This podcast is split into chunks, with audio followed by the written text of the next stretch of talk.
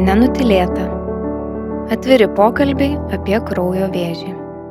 Sveiki, čia tinklalaidė Nenutilėta. Atviri pokalbiai apie kraujo vėžį. O prie mikrofono esu aš Aistė. Šioje tinklalaidėje mes visą dėmesį skiriame įvairiausiamis su kraujo vėžiu susijusiomis temomis. Kalbame apie gydimo galimybes ir iššūkius, lygos patirtį ir emocinę sveikatą. O tam kad informacija būtų ne tik naudinga, bet ir teisinga, nagrinėti šias temas man padeda skirtingi pašnekovai. Nuo gydytojų, psichologų iki kraujo vėžių sergančių žmonių bei jų artimųjų. Jau parengėme penkis tinklalaidės nenutilėtą epizodus, o šiame šeštajame kalbėsime apie tai, ar reikia bijoti chemoterapijos. Turbūt nesuklysiu pasakydama, kad onkologinė lyga ir chemoterapija yra labai glaudžiai susijusios. Ir neretai pirmiausiai galva šaunantis dalykas, sužinojus vėžio diagnozę, yra apie gydimą būtent chemoterapiją. Liaudėje dažnai vadinama tiesiog chemija. Daugeliu vėžio pacientų savo gydimo kelyje tenka patirti ne vieną, o bent keletą chemoterapijos kursų Ir didelė dalis chemoterapiją patyrusių žmonių šį gydimą prilygina pragaro kančioms. Man ir pačiai atminti yra labai gerai įstrigusios palatos kolegų kalbos apie tai, kad ne vėžio reikia bijoti, o būtent chemoterapijos, kadangi jos šalutiniai reiškiniai gali turėti itin rimtų pasiekmių, kartais net ir labai skaudžių, kai besigydantieji nebet laiko šio gydimo būdo. O kaip yra iš tikrųjų, kas yra toji chemoterapija ir ar tikrai reikia jos bijoti, netrukus ir paklausiu Vilniaus universiteto ligoninės, Santaros klinikos, hematologijos, onkologijos ir transfuziologijos centro gydytojos, hematologės Ugnės Ringelevičiūtės. Labadiena, Ugne. Sveiki. Ačiū, kad sutikot pasikalbėti šią, manau, tikrai svarbę temą apie chemoterapiją. Ir galbūt pradėkime, kas yra tas gydimas chemoterapija, ar jis visuomet yra skiriamas prie onkohematologinių lygų, galbūt kokiais kriterijais yra nustatomas jo būtinumas ar reikalingumas. Na tai chemoterapija, kaip ir jūs sakėt, įžangoje įdomiai, kad žmonės jos bijo ir įsivaizduoja, kad tai yra baubas, tai yra nuodas, bet visų pirma, reikia prisiminti, kad tai yra vaistas. Chemoterapija skiriama tam, kad mes gydytume ir, jei mums pasiseks, išgydytume lygą, kurią mes bandome paveikti.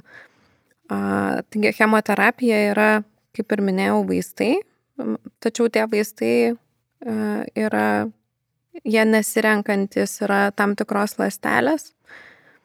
Todėl chemoterapija paveikia ne tik lygos lastelės, sakykime, bet ir, ir, ir kitas organizmo mūsų kūno lastelės. Dėl to turbūt ir turi kažkokių, sakykime, sąsajų su baubais ir nuodais, nes žmonės, na, jaučia tarsi juos nuodytume. Taip, bet iš tiesų reikia nepamiršti, kad tai yra vaistai. Na, jie yra skiriami beveik visų kraujo vėžio atvejais ir paaiškinsiu kodėl. Tai iš tiesų kraujo, kraujodaros lastelės yra greitai besidauginančios lastelės. Chemoterapija padeda panaikinti tas greitai besidauginančias lasteles. Ir, ir dėl to būtent kraujo vėžio atveju šis gydimas gali būti ir yra labai efektyvus. Taip, tai iš tiesų, jeigu jau susirgote kraujo vėžio ir yra reikalingas gydimas, tai mes e, beveik visais atvejais rinksimės bent jau vieną iš gydimo etapų arba bent jau vieną iš gydimo dalių, tai bus chemoterapija. Aišku, dažniausiai šiais laikais, naujaisiais laikais mes skiriame kartu su imunoterapija arba taikinių terapija, bet vis dėlto chemoterapija niekur nedingo ir jinai tikrai dar ilgą laiką išliks gydime. Užsiminėte, kad beveik visais atvejais, tai tiesiog smalsu, kokie yra galbūt atvejai, kai pasirenkama neskirti chemoterapijos. Na tai iš tiesų yra du atvejai, kada mes jos neskiriam, kai arba jos dar nereikia skirti, arba jos jau nereikia skirti. Tai pirmasis atvejis būtų, kuomet turime, dažniausiai tai būna lėtiniai susirgymai, ypač lėtinės limfoproliferacinės lygos, kuomet mes galime stebėti ir neskirti gydimo, kuomet pacientas neturi jo simptomatikos arba tai yra minimali simptomatika, mes pasirenkame rizikos ir naudos santykiai, vertiname ir jeigu didesnė rizika yra gydimo negu jo suteikta nauda, tokiu atveju mes neskirsim gydimo ir stebėsime iki lygos progresijos. Dalis pacientų, aišku, nustemba išgirdę, kad va aš sergu vėžiu, turiu čia C kodą, na kas nežino, C kodas tai jau yra tas blogasis, jau jeigu pamatai, tai turtus pradeda dalintis, bet iš tikrųjų taip nėra, mes turime labai daug, mes turim keliasdešimt ir daugiau a, skirtingų vėžių, sakykime, šnekant apie kraujo vėžį. Tai iš tiesų pacientų gyvenimo kokybei yra tas tyrimais įrodyta, ir lygos išeičiai prognoziai, stebėjimas yra teikia naudą. Na, antrasis atvejis, kai, kaip paminėjau, kad jau ne, nebeskirti to gydimo, tai iš tiesų pacientam, kurie yra netinkami, kurie yra blogos būklės, kurie turi kitų gretutinių rimtesnių susirgymų negu, negu tam tikras kraujo vėžys. Na, mes pasirinksime galbūt negydyti arba gydyti imunoterapiją arba taikinių terapiją, kuri dažniausiai be chemoterapijos yra mažiau sėkminga, tam, kad nepablogintume išyčių. Taip. E, šiek tiek irgi į pirmą klausimą atsakinėdama užsiminėte, bet dar plačiau norėtųsi išgirsti ir galbūt paaiškinti žmonėm, koks yra tas chemoterapijos tikslas. Na tai chemoterapijos tikslas yra, kaip jau minėjau, sunaikinti greitai besidauginančias ląsteles mūsų trumpalaikis tikslas yra lygos kontrolė, tai vadinasi, tas ląsteles sunaikinti einamojų momentų, tačiau ilgalaikis tikslas yra išgydyti tą lygą pilnai. Tai, tai toks vat ir būtų tikslas. Aišku, neišvengiam kažkokių komplikacijų, dažniausiai didesnės ar mažesnės pasireiškia. Bet e, iš principo mes norime paveikti tiesiogiai, paveikti tas greitai besnauginančias ląsteles ir vėliau tolimesniais kursais a, užtikrinti, kad jos nesugrįžtų, netauktų, taip liaudiškai tariant, netauktų vėžys. O dar vienas toks įdomus klausimas, nors nežinau, ar galima jį taip universaliai atsakyti. Tai kiek laiko gali užtrukti chemoterapija? Turbūt čia yra labai skirtinga ir priklauso nuo lygų, bet gal kažkaip galima vis tiek tą laiką apibriežti. E, taip, iš tikrųjų, mm, chemoterapija gali trukti ir labai trumpą laiką, tai yra vos mėnesį.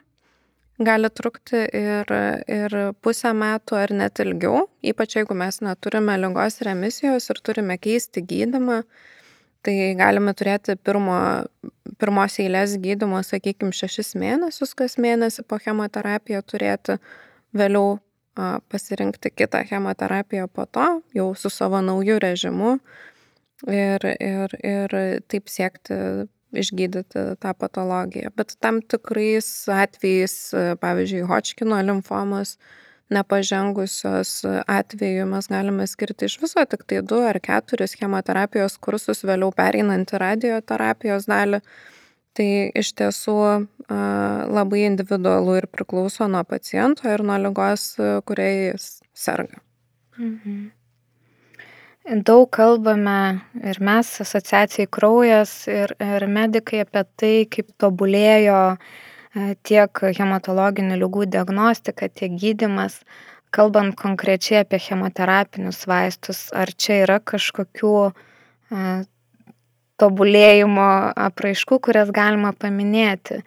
nežinau, ar galima prie to priskirti, kad tarkim anksčiau tai tikrai visa chemoterapija būdavo tik stacionare, o dabar būna, kad žmonės atvyksta į ligoninę tik, sakykime, pusdieniui ar gali net namie kažkurios vaistus vartoti. Iš tikrųjų, dauguma chemoterapinių preparatų yra gana seniai sukurti ir naujųjų mes neturime daug.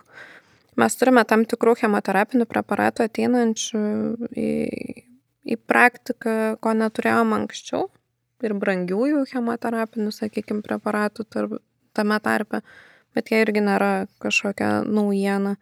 E, naujiena būtų mm, patirties sukaupimas, tos patirties publikavimas ir, ir iš to kažkokių naujų chemoterapijos režimų pritaikymas tiek paciento lygos išeičiai, tiek būtent gyvenimo kokybei, kada mes galime jų nehospitalizuoti ne gydimui ir, ir taip pagerinti, na, įpašyti tą lygos gydimą į paciento kasdienybę. Tai manyčiau, kad vat, būtent chemoterapijoje mes mažiau to tobulėjimo turim, ypač naujų vaistų srityje. Bet, na, kažkiek mokomės, taikomės prie pacientų, pacientai taikosi prie to. Tai, tai aišku, negalim tikėtis, kad kažkokie labai nauji chemoterapiniai agentai ateis, nes vis dėlto chemoterapija yra gana toksiškas gydimo būdas tai turime suprasti, kad mes norime eiti link taikinių terapijos, ypač e, tobulėjant genetikai, link taikinių, link imunoterapijos eiti, kuomet pacientam galbūt e, būtų daugiau naudos iš to gydimo, mažiau žalos. Tai, tai galbūt atsakiau kažkiek e, bent dalim į šį klausimą. Ir dabar jau turbūt pereisim prie tos kitos dalies susijusios su chemoterapija šalutinių reiškinių, bet e, dar prieš tai, tarkim, žmogus ruošiasi gydimui ir, ir labai vad baiminas iš tų nuogirdų kažkokių, kurių gausu yra. Kokios savijautos jisai gali tikėtis po chemoterapinio gydimo arba net ir jau tuo metu, kai jisai yra taikomas? Na, iš principo Bendras principas tai būtų, kad e, gali tikėtis greičiausiai, na, šiek tiek ir prastesnės savijautos, čia nieko nėra, nėra ką slėpti. Dalis pacientų, kas yra įdomu, jaučia pykinimą, sakykime, jau prieš, prieš skiriant chemoterapiją. Tai ką, ką mes galime apie tai pasakyti, kad iš tiesų labai individualu yra ir kas vienam pasitaikė, nebūtinai pasitaikys kitam. Uh, nes tuo labiau, kad pacientai prisiklauso iš aplinkos, tai yra, kad jie nežino dažnai, kuo jie serga tiksliai, jie vat serga limfoma ir čia mano palatos draugas irgi limfoma serga, tai jisai man pasakė ir man jau tai bus, tai tikrai taip nėra.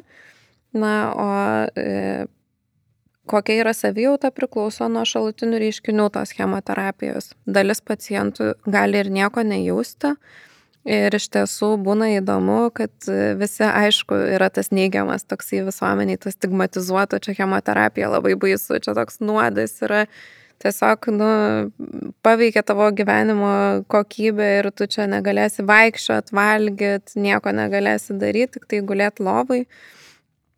Tai e, iš principo atvažiuoja pacientas savo pirmai chemoterapijai, pakabina kažkokią lašelinę, kažką ten sulašino, nieko nepajauti ir po to sako, oi, aš čia be reikalo baiminausi, kad man čia tai bus, nes aš nieko nepajaučiau.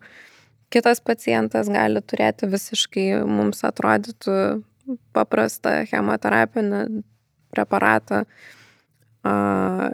ir, ir gaunant tą chemoterapiją jisai gali jaustis blogiau negu tikėtasi. Tai iš tiesų labai priklausys nuo paciento, bet tam tikras, sakykime, nuovargis tai tai yra būdinga bet tai yra labiau būdinga dėl dėl to kad paveikiamos yra tam tikros kraujo ląstelės ar kiti organai tai tai dėl to šiek tiek organizmas turi persiprogramuot ir ir ir pailsėti daugiau Mhm. Įdomu, kad užsiminėt apie tą pykinimą dar iki chemoterapijos, nes man lygiai taip pat buvo. Ir paskui jau pavyko kažkaip susidėlioti galvoje dalykus, bet iš tikrųjų galvoju, kad e, turbūt reikia mažiau klausytis, ką sako kiti, nes e, tas psichologinis pykinimas gali tikrai atsirasti dar iki vaisto. Tai tada gal aptarkime, kokie yra dažniausi šalutiniai reiškiniai. E, na, kai aš savo pacientam pasakoju pir, pirmą karčiam tokiam, kurie pirmą kartą gauna chemoterapiją, kai pasakoju, tai visą laiką na, pradedu nuo to, jog tai žinome, kad yra gydimas, kuris veikia visas greitai besidauginančias ląsteles, kaip ir sakiau. Tai kas tai yra tas greitai besidauginančios ląstelės? Visų pirma, tai yra kraujodara visa ir kraujo ląstelės, kitas dalykas - plaukai, oda kažkiek mažiau galbūt, glyvinės, tiek žarnynas, tiek burnos glyvinė. Tai, tai būtų turbūt pagrindiniai taškai, vat, kuriuos sudėlioti kraujo ląsteles ar kraujodarą paveikia. Tai mes turime tris svarbiausius kaip ir punktus. Tai yra raudonasis kraujas arba eritrocitai, ląstelės, kurios nešioja hemoglobiną, nešioja deguonį. Kai turime sumažėjimą šių ląstelių, ir sumažėjimą bendrai hemoglobino kraujyje, mes galime jausti nuovargį kažkokį, vyresni žmonės e, gali ir širdies bedų turėti, kuomet yra pasunkėję tiesiog širdies darbas dėl to, kad mes turime poreikį tokį, kokį turime degonį, o, o lastelių yra tik tiek ir jų nesigamina daugiau, nes mes to neleidžiam chemoterapiją padaryti. Na ir iš tikrųjų gali sukelti tiek tą bendrą silpnumą, nuovargį greitesnį, dusulį, blogesnę fizinio krūvio toleranciją, bet viskas tai, na, daugiausia atsiriamia į tai, jog mes turime hemoglobino sumažėjimą. Vėliau, kai tas ilgiau tęsiasi, organizmas kompensuoja, prisitaiko ir, ir, ir, ir nebejaučia taip stipriai pacientas. Kitos dvi ląstelių grupės tai būtų leukocitai. Leukocitai yra mūsų kareivėliai, kurie kovoja su infekcija jų sumažėjus mes turime didesnį infekcinių komplikacijų riziką ir tos infekcinės komplikacijos gali būti absoliučiai bet kokios, kokios tik tai įmanomos. Tai iš principo tiek hematologai, tiek onkologai yra e, viena dalimi ir infekcinių lygų daktarai, nes labai susi, susikerta šitos patologijos. E, tikrai yra tokių chemoterapinių režimų, kurie vat, pasitaiko labai daug infekcinių komplikacijų, o kiti kaip tik yra įrodyta, kad nu, nedidina tos infekcinių komplikacijų rizikos, tai kaip ir mažiau tada kreipiam dėmesio.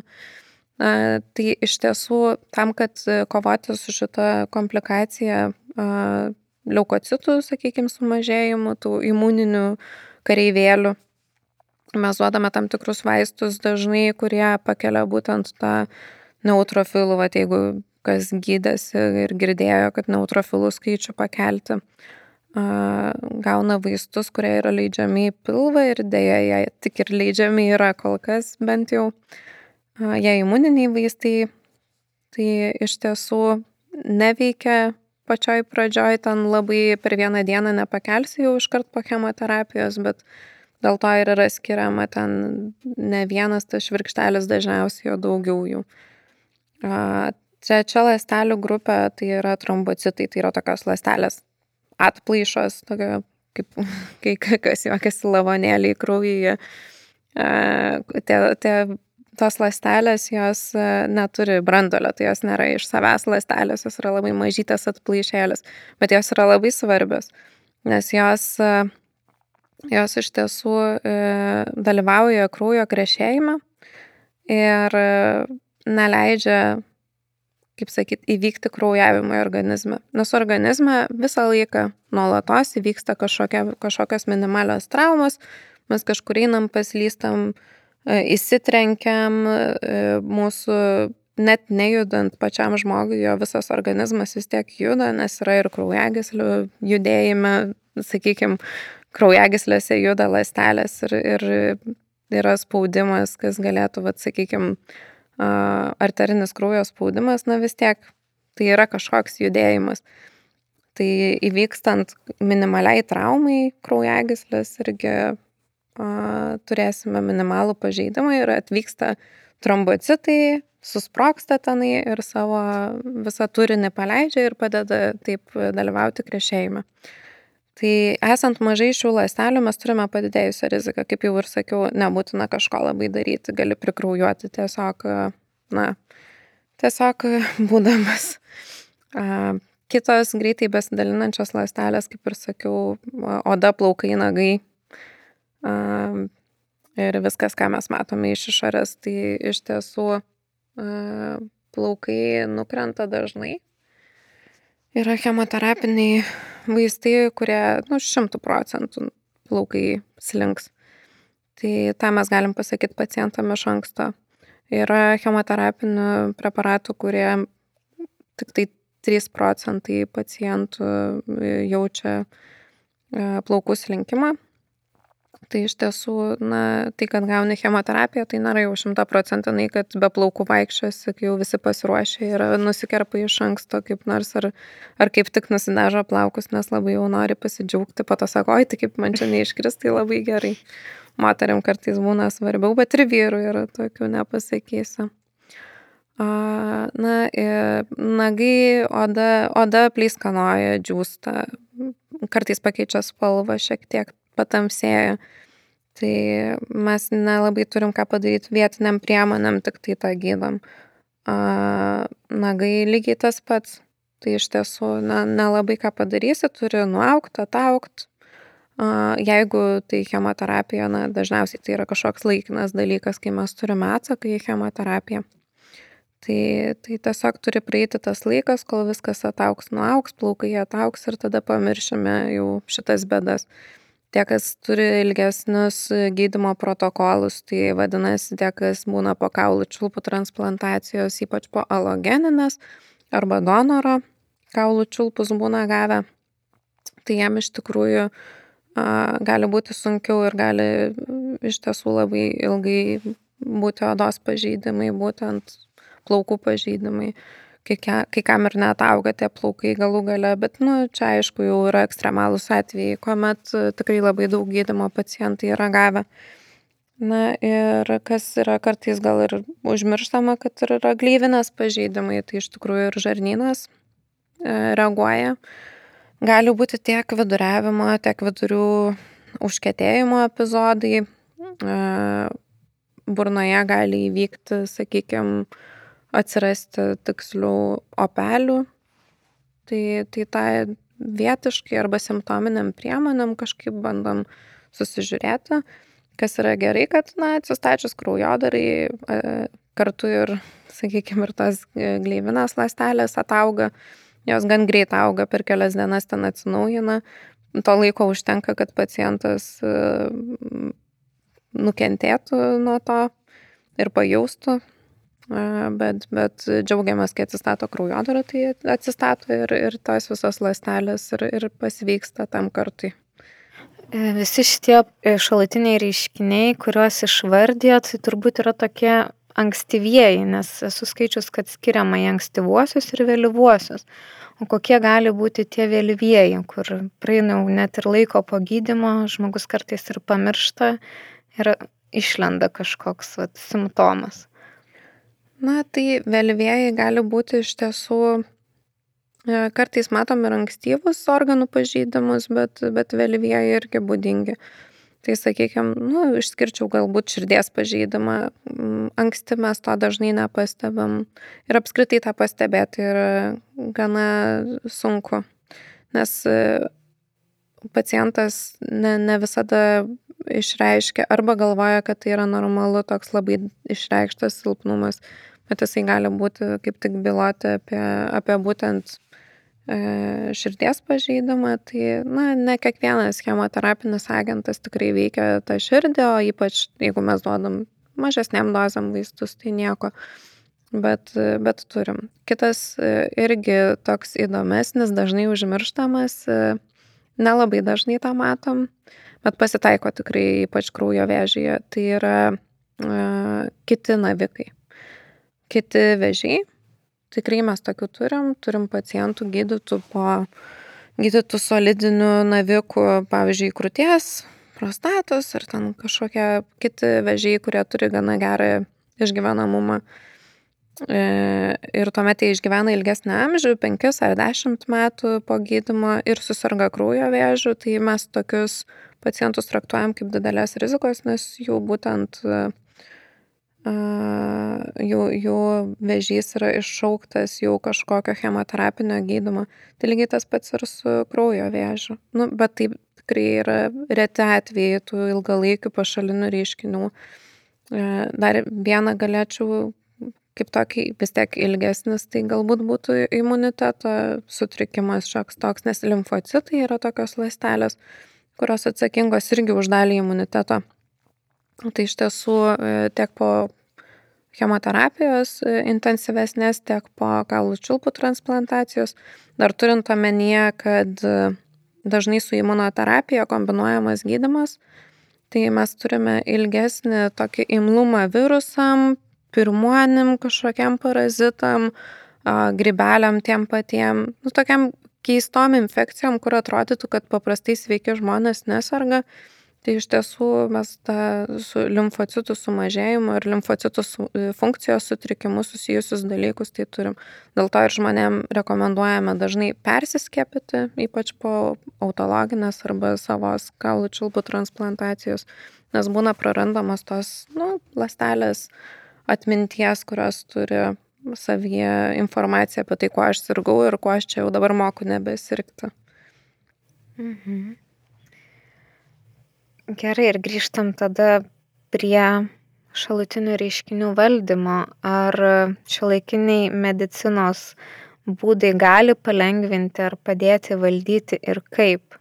Ir dar norėtųsi pakalbėti apie tai, kodėl nereikia baimintis pasakyti prižiūrinčiam personalui apie patiriamus sunkumus, nes ką labai dažnai ir pati girdėdavau ir anksčiau, kai gydžiausi ir dabar iš, iš aplinkos tokių, kad žmonės dažnai gaudami chemoterapiją, kurie ją įsivaizduoja kaip nuodą, dar labiau bijo gerti vaistus kažkokius, kurie galėtų palengvinti tuos nemalonius reiškinius, kad ir ten tabletė nuo pykinimo, bet jie sako, aš jau čia gaunu tą chemiją, tai gana.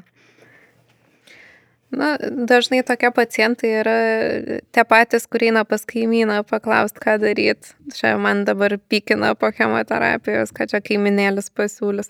Nu, čia aišku juokas. Iš tikrųjų, tai e, tas gydimas, kurį mes skiriame, kurį tradicinę, kaip, ne, nu taip, tradicinė turbūt čia mhm. vadinasi mūsų medicina.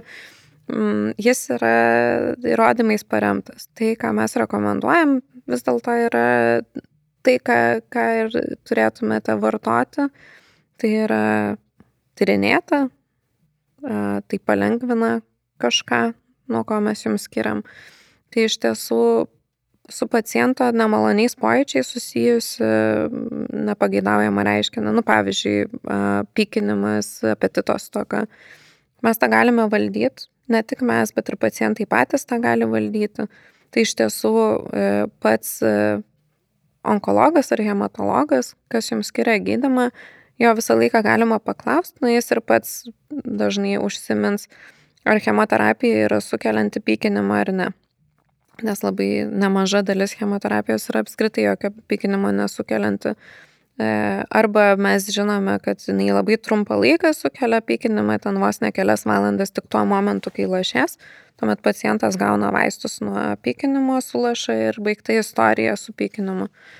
E, kitagi dalis chemoterapijos yra tokia, kur tris dienas po to gali pykinti. Tai iš tiesų mes e, apsidraudžiam, išrašom vaistų, tačiau pacientas turi žinot, kad ties tuo, kad išrašyti vaistai nesibaigia viskas turi juos gerti visų pirma, skaityti, kas parašyta. Labai, na, didelė dalis atvejų yra, kuomet paima popieriaus lapuką ir jį pasideda ir neskaito. Na, o iš tikrųjų vartoti vaistus, pasižymėti savo ir prisiminti, kaip jūs jautėtės, ar tie vaistai padėjo ar ne. Na ir šiek tiek liaudės priemonė yra, ką, ką mes galim parekomenduoti Tai iš tikrųjų sekantį kartą gydytojai savo pasakyti yra labai, kaip sakyt, patogu. Jūs prisimenat, pasakot, jums yra rekomenduojamas kažkoks, kažkokia korekcija to. Pats pacientas irgi turi žinot, kad čia gulėti ir laukti mirties irgi nėra kažkoks sprendimas ar išeitis. Na čia aišku, aš juokauju, suprantu, kad, kad būna tikrai po chemoterapijos sudėtinga, sunku ypač po intensyvesnių režimų. A, tai reikia bandyti savo padėti, reikia stengtis, reikia išgerti tos vaistus, negalit ieškoti pagalbos. Turiu omenyje, kad dažniausiai mes turime na, kažkokį tai kažkokią tarnybą, kur jūs galit paskambinti, pasiprašyti, kad kažkas yra ne taip, man atrodo, ir man reikėtų daugiau pagalbos, nes aš neišlipu iš lovos ar kažkas vyksta. Kaip ir sakiau, dalis yra nusiteikimo, dalis yra žmonių įsivaizdavimo, kad jie dabar turi tik tai sveikai gyventi ir sveikai maitintis, bet jam tas salatos lapas, nu, nelenda. Arba uždrausta valgyti, nes yra neutrofilų mažiau ir aš negaliu valgyti pilnai neplautų kažkokių vaisių, daržovių ir panašiai. Tai iš tiesų, ką dar svarbu ir pacientui, ir aplinkiniam žinoti, kad, kad reikia valgyti tai, ką norisi valgyti kad jūs čia nepriauksit svorio dabar per chemoterapiją staiga, nes nėra iš ko iš tikrųjų labai priaukti ir, ir valgyti ir gerti kažkokius labai kvapnius, daug prieskonių dalykus tam, kad norėtųsi, o ne tai, kad pykina ir dabar aš va nevalgysiu dvi savaitės ir po dviejų savaičių nuvažiuosiu į ligoninę ir paklausiu, ką daryti kad aš nevalgiau dvi savaitės, o mes jau pamatom ir jau grėbėmės už galvos, kad pacientas išseko po chemoterapijos. Tai taip, O dėl tos savijautos, na irgi reikia, aš savo pacientam labai mėgstu pasakyti, kad, na, jau kai susirga diagnozuojamas tas onkologinis susirgymas, tai iš tiesų reikia turėti gerą kontaktą su šeimos daktaru, ne viską jums gali sutvarkyti hematologas. E, tuo labiau, kad jeigu turi gerą kontaktą su šeimos gydytoju, tau yra lengviau su juo bendrauti ir pas jį patekti netgi kartais. E, tuo labiau, kad kompleksinių kartais yra dalykų, kurie su gretutinė patologija būna susiję. Na, čia gal mažiau jauniems žmonėms, daugiau vyresniems. Tai iš tiesų e, onkologiniai susirgymai dažni yra ir, ir šeimos gydytojai irgi turi daug tų pacientų ir žino. Ir kai kurie jau, kurie yra vyresni, net jeigu, net negu mes tokie jauni hematologai, jie irgi turi iš savo pusės ką patarti ir ką pasakyti. Tai iš tiesų reikia, kaip ir sakiau, bendrauti, identifikuoti savo problemas e, ir, ir kai klausiama, ar viskas gerai, nesakyti, kad viskas gerai, kai iš tiesų buvo kažkas ne, ne visai gerai. Mhm. Tai čia pagrindinė mintis turbūt būtų, kad ir pacientas turi bendradarbiauti ir laikytis to gydymo plano ir režimo, kuris jam paskirtas, o ne, ne savo nuožiūrą arba nekentėti ir, ir vat, paskui tik išsakyti, ar ne? Nu taip, čia aišku, tas yra būdinga kokiam vyrukam, tokiam jau vidutinio amžiaus. Turim tokių pavyzdžių, kartais ir mes pasižiūrim, sakom, kad reikia čia kažką daryti, psichologų pagalbos pasiprašom, nes kartais būna, kad, nu, ar ten žmogus nepatinka, koks daktaras tai ne iki galo išsisako, tada jau artimieji eina, antrą konsultaciją tada gauni, kad jau reikia čia kažką daryti. O su psichologų pagalba kartais mums pavyksta tą susidėlioti planą. Na ir aišku, čia labiau būdinga dar tik tai tokiam žaliem, kaip sakom, pacientam, kurie po vat, pirmųjų savo gydimo kursų O vėliau jau viską žino, kas yra normalu, kas nenormalu, pasisako, jeigu kažkas išeina už normalumo ribų ir, ir būna paprasčiau jau ir mum, ir, ir patiem pacientam. Mhm. Kaip dar galima savo padėti chemoterapinio gydimo metu? Labai yra svarbus socialiniai dalykai identifikuoti, ar galite dirbti, ar, ar norite dirbti. Dažniausiai tas klausimas, aišku, būna e, chemoterapijos metu, nu, tiksliau tarp kursų. E, galima pasiklausti ir jauni žmonės šiaip, kas yra pagirtina, klausia, nes e, iš, iškristi iš rutinos yra sudėtinga daugumai arba jeigu žmogus, kaip sakant, dirba ant savęs, tai jį ima didelis nerimas, kad jis liks be pajamų. Tai va šitą dalyką identifikuoti, ar aš galiu dirbti ar ne, ar aš noriu dirbti ar ne, yra labai svarbu.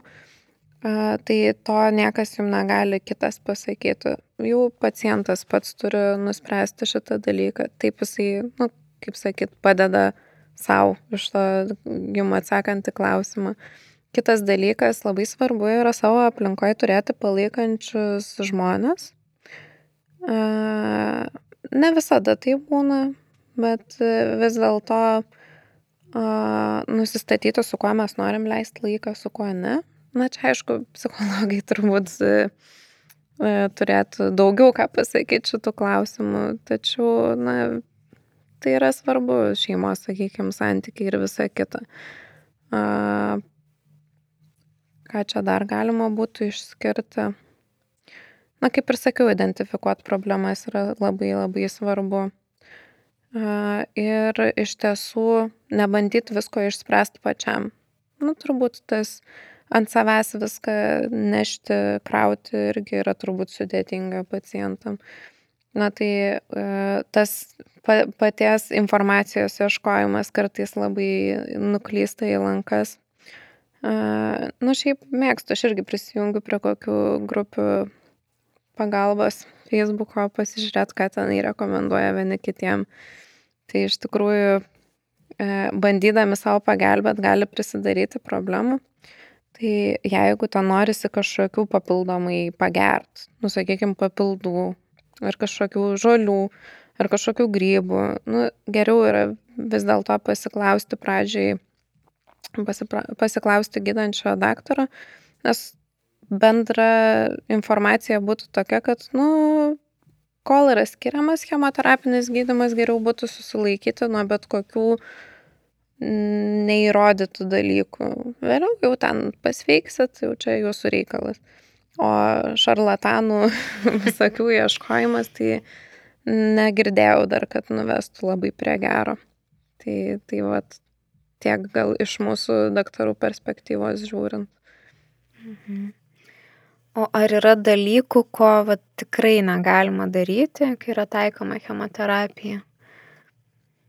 Be tų visų papildų ten kažkokių savigydos būdų, bet e, yra tam tikri maisto produktai, kurių negalima vartoti chemoterapijos metu, bet tas labai priklauso nuo vaistų.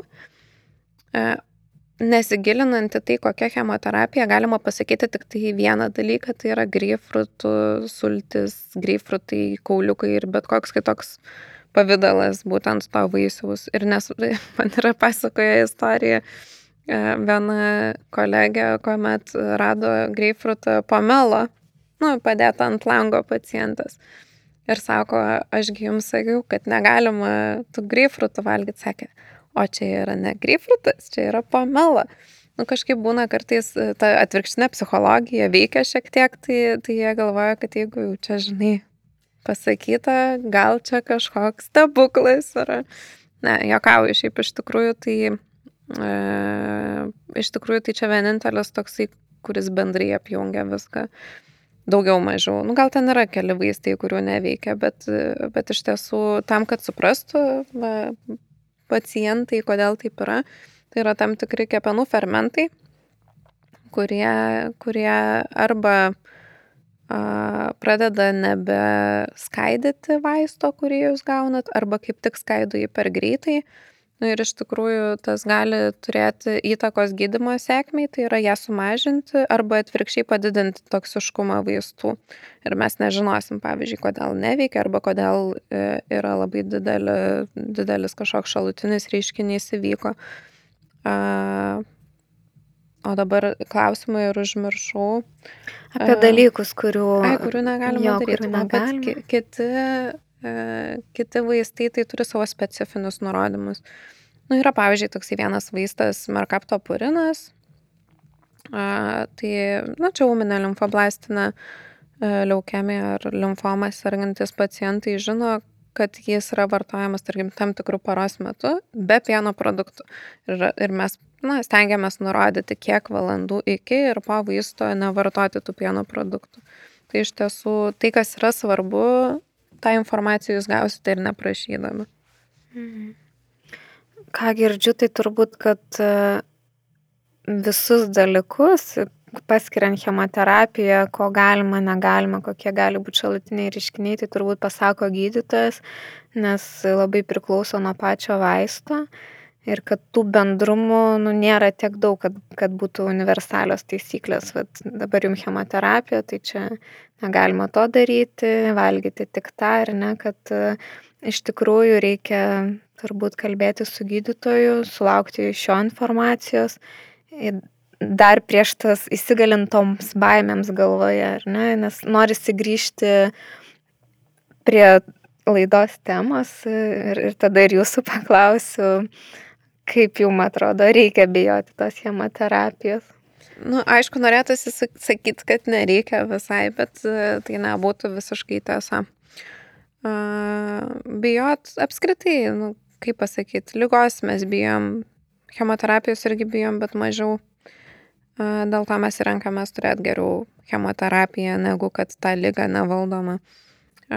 Iš principo, jeigu jau yra pasirenkama gydyti chemoterapiją ir ją gauti, tai nereikia jos bijoti, reikia galbūt jos laukti tam, kad na, mes galėtume kovoti su tuo priešu, kurį šiuo metu turim ir galbūt perprogramuoti tą savo uh, įsivaizdavimą, galbūt kažkokį lūkesčius, nes kažkaip neseniai skaičiau, nežinau, kiek čia yra tiesos, kad e, jaudulys, e, kaip baimės jaudulys ir jaudulys toksai, kai tu esi, nu, pakilėtas, nes tau labai įdomu, kas bus, tai iš tiesų yra labai panašia emocija ir galima bandyti ją apsukti, kad iš tikrųjų aš laukiu, nes man įdomu, kas bus.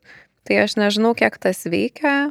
Čia aišku, visai kitoj, skaičiau visai e, kitoj, kitam kontekste, ta prasme, prieš einant kažką pristatinėjant ar panašiai. Tai galima visokių psichologinių triukų gal pabandyti savo įsiteikti. Nėra tai visiškas baubas, bet ir nėra tai kažkoks švestas vanduo, vis tiek mes turim tam tikrų rizikų su tuo susijusių, tai čia niekur nesidėsi. Tam ir yra gydytojai, dėl to, kad na, mes ne, negalim, žinot, robotas irgi gali paskirti ir, ir pasakyti, reikia tą ir tą daryti. Bet iš tikrųjų vien dėl to, kad turime susijusių dar dalykų su tuo, tai, tai na, turi būti vis tiek tas žmogiškas kontaktas ir patirtis galų gale, ir bendravimas, kas yra labai svarbu. Tai, tai nėra vienareikšmio atsakymo į šitą klausimą. Mhm. Tai ačiū už įdomų pokalbį. Ačiū Jums. E, net nebejoju, jog išklausius e, šito epizodo, na tikrai negaliu pasakyti, kad nebijosite visiškai, bet tikiu, kad galbūt chemoterapijos bijosite šiek tiek mažiau. Ir norisi priminti, kad e, kiekvieno žmogaus kelionė su lyga yra labai skirtinga. Lygiai taip pat ir chemoterapijos patirtis retai sutaps su kito paciento, ką ir gydytoja hematologija minėjo. Kiekvienas žmogus skirtingai patiria šalutinį chemoterapijos poveikį, o skirtingi vaistai sukelia skirtingus nepageidaujamus reiškinius. Tad net jei ir žinosite prieš gydimą visus galimus šalutinius reiškinius, nebūtinai juos patirsite. Atminkite, kad e, gydimo kelyje jūs nesate vienas ir nedvėjodami išsakykite savo baimės, nerimą ar patiriamus nemalonius pojūčius jūs gydančiam personalui. E, tobulėjant vėžio gydimui, tobulėjo ir gydimo šalutinių reiškinių valdymas, tad būtinai išsiaiškinkite, galbūt jūsų situaciją galima palengvinti. Ir pabaigai noriu su jumis pasidalinti viena vėžių sirgusios moters citata, kuri galbūt ir jums padės sunkiausiamis gydimo akimirkomis. Nors chemoterapija buvo kupina kančių, patyriau galvos skausmą, pykinimą, nuolat vėmiau, yra vienas dalykas, kuris mane vedė į priekį ir padėjo nepalūšti. Šio gydimo dėka aš galėjau pamatyti besišypsančius savo artimuosius, Galiu vėl eiti pasivaikščioti su savo šuniu, o atėjus pavasariui kapstyti sode. Tai yra mano gyvenimas. Tai yra priežastis, dėl kurios aš galėjau ištverti gydimo kančias. Ačiū visiems, kurie klausėtės. Ir jeigu šis epizodas jums pasirodė naudingas ir įdomus, pasidalinkite juo savo socialinėme tinkle, padėkite kuo daugiau žmonių sužinoti apie specializuotą tinklalaidę Nenutilėtą. Kviečiu išgirsti ir kito mėnesio epizodą, kuriame aiškinsimės, ką reikia žinoti apie pacientų teisų apsaugą. Tinklalaidį įgyvendina asociacija Kraujas, kuri vienyje kraujo lygomis sergančius ar sirgusius asmenis, jų artimuosius, medicinos specialistus ir kitus žmonės, kurie palaiko asociacijos veiklą. Tinklalaidės tikslas yra ne tik suteikti daugiau informacijos apie kraujo lygas ir su jomis susijusios problemas, bet ir padėti priimti lygą, įkvėpti drąsos ir parodyti, kad nors kraujo vėžio diagnozė atneša pokyčių, Gyvenimas tikrai nesustoja, gali džiuginti ir būti visavertis. Daugiau informacijos tiek apie asociacijos kruojas veiklą, tiek apie tinklalaidę ir visus jau šešis jos epizodus galite visuomet rasti interneto puslapyje www.kruojas.lt arba Facebook paskyroje kruojas.lt. Iki kito karto.